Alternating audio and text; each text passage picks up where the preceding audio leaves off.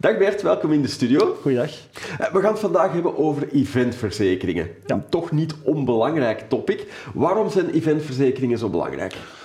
Goh, in eerste instantie als organisator is het denk ik wel belangrijk dat je één, je organisatie goed op punt hebt staan, maar twee, dat als er iets gebeurt, dat je toch een vangnet hebt. Voor het geval dat iemand een eh, vordering instelt tegen u omdat hij door een gebrek in de organisatie gekwetst raakt bijvoorbeeld, dat je toch een financiële zekerheid hebt en een financieel vangnet eh, waarvoor dat een verzekeraar uiteraard eh, geschikt is. Ja, want je kan natuurlijk eh, zo goed zijn in je vak als eventorganisator als je wilt, maar er kan altijd iets fout lopen.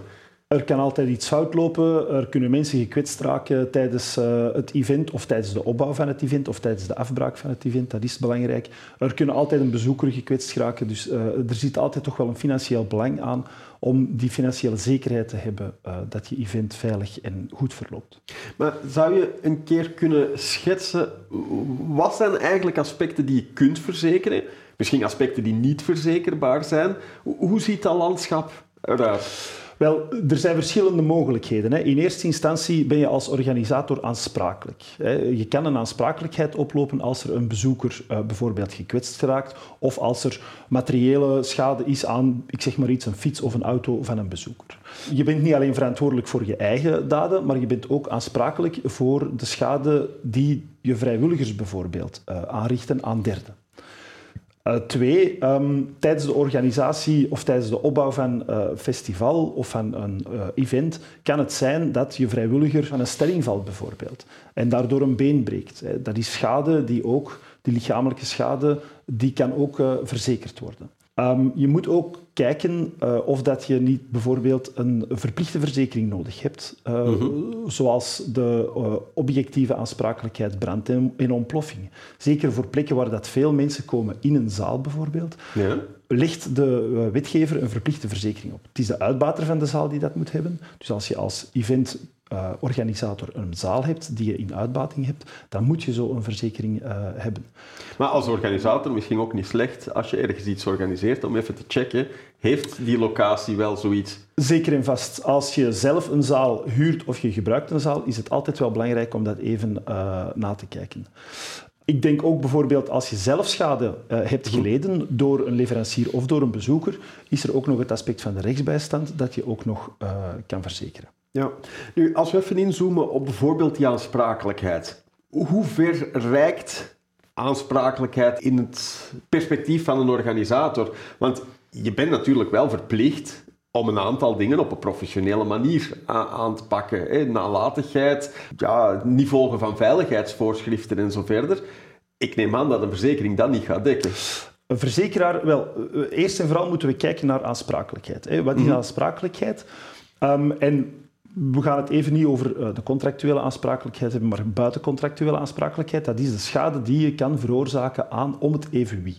Mm -hmm. Door een fout. De wet schrijft voor dat als je door je fout of een nalatigheid bepaalde schade veroorzaakt aan iemand anders, dat hij die schade moet uh, vergoeden. Mm -hmm.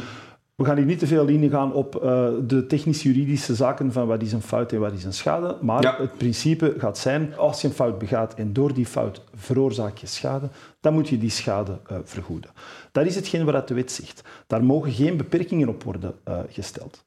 Twee, de aspect gaat natuurlijk de verzekering zijn. Hè? Want als je mm -hmm. fout veroorzaakt, gaat de persoon die schade geleden heeft naar jou komen om te zeggen, kijk, jij moet mij schadevergoeding betalen. Ja. Dat betekent dat jij eigenlijk vermogensverlies gaat leiden en daarvoor gaat een verzekeraar u bijstaan. En dan is het natuurlijk belangrijk om na te kijken wat er juist in de polis staat, wat er juist in de polis uh, gedekt gaat worden en tot hoever die aansprakelijkheid uh, gaat uh, leiden. Ons eventproduct bij Balwaze, mm -hmm. daarvoor gaan wij voor een organisator in lichamelijke schade uh, 2,5 miljoen uh, verzekeren en in materiële schade verzekeren wij 250.000 uh, euro. Dat ja. zijn de bedragen die wij gaan vergoeden. Als organisator ben je ook aansprakelijk voor de schade, niet alleen voor je eigen fout, maar ook mm -hmm. voor de fout die een vrijwilliger uh, begaat. Dus een vrijwilliger die um, door een, een, een, verkeerde aanwijzing of uh, die bijvoorbeeld een fiets uh, mm -hmm. um, beschadigt van een bezoeker of die een ladder laat vallen op de wagen van een bezoeker, dat is een schade die mee gaat verzekerd worden uh, in de polis. Ja, je hebt het al laten vallen. Hè? Jullie hebben een specifiek product EventSafe voor de evenementensector ontwikkeld. Ehm, voor wie is dat product precies bedoeld? Wel, we hebben eigenlijk... Ehm, het product bestond al, maar we hebben ervoor gezorgd dat het op een gemakkelijk toegankelijk platform uh, is gebracht. Uh, het product is eigenlijk bedoeld voor iedereen.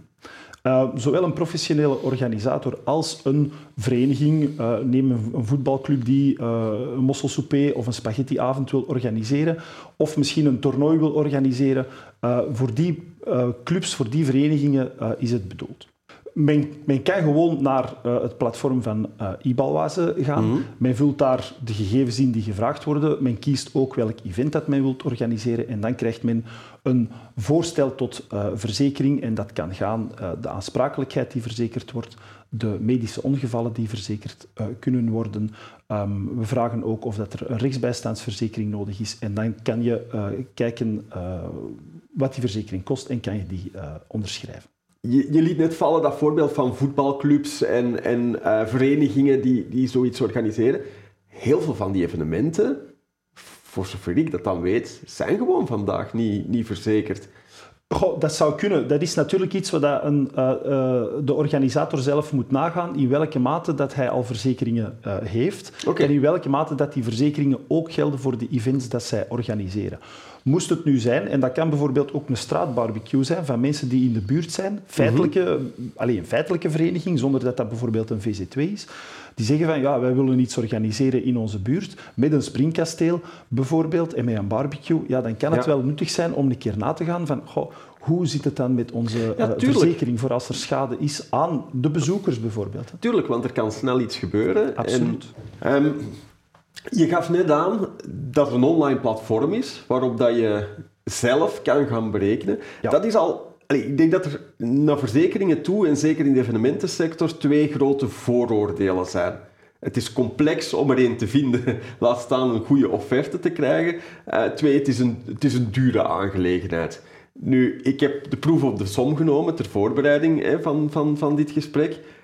Ik ben op twee manieren heel erg aangenaam verrast geweest van hoe makkelijk en hoe snel het was om een offerte te, krijgen en ook hoe betaalbaar het eigenlijk was om een evenement toch op een goede manier te verzekeren.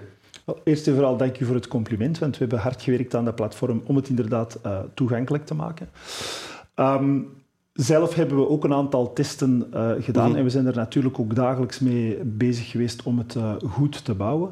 Uh, uiteraard hebben we wat informatie nodig. Hè. Waar is de vereniging gevestigd? Waar gaat het event door?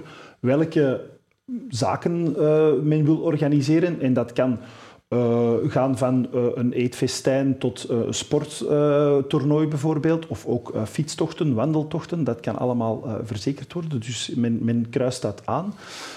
Het verwachte aantal bezoekers, dat heeft natuurlijk ook impact op de premie. En mm -hmm. het aantal vrijwilligers. Dat zijn eigenlijk allemaal elementen die belangrijk zijn voor de premie te berekenen. En inderdaad, je kan simuleren zoveel je wil, uiteraard.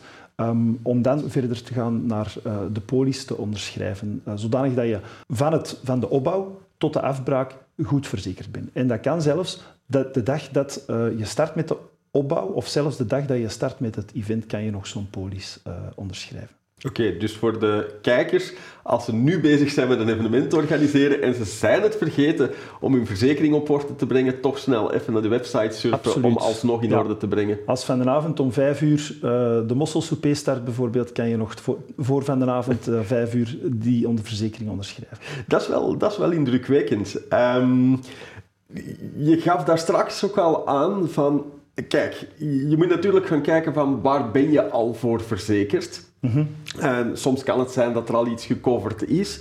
Um, we hebben het voor, tot hiertoe vooral over die, die verenigingen gehad. Je liet er straks ook vallen dat het product ook um, geschikt is voor professionele organisatoren.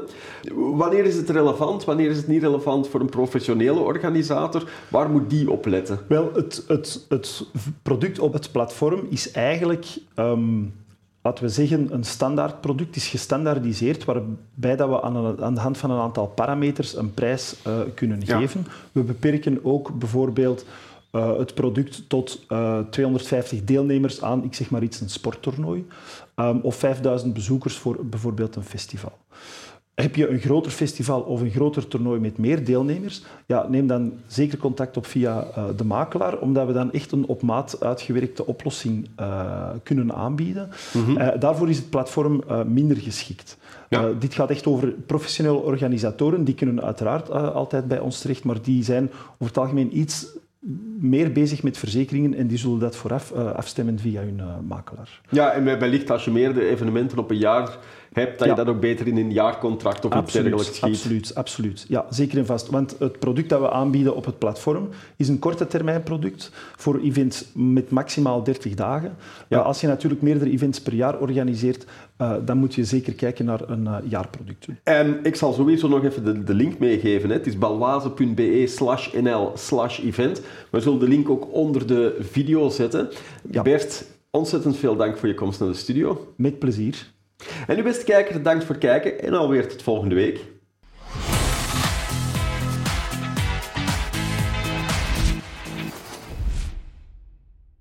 EventSafe is een aansprakelijkheidsverzekering en ongevallenverzekering van Balwaze.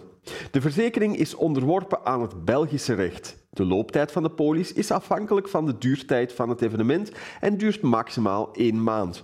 Wil je een polis nemen? Bekijk dan de IPIT-fiche, de algemene voorwaarden en de kennismakingsbrochure om je grondig te informeren over je wettelijke bescherming, de inschrijving op toetreding tot, aanvaarding, ondertekening of onderschrijving van de polis op www.balwaze.be nl event.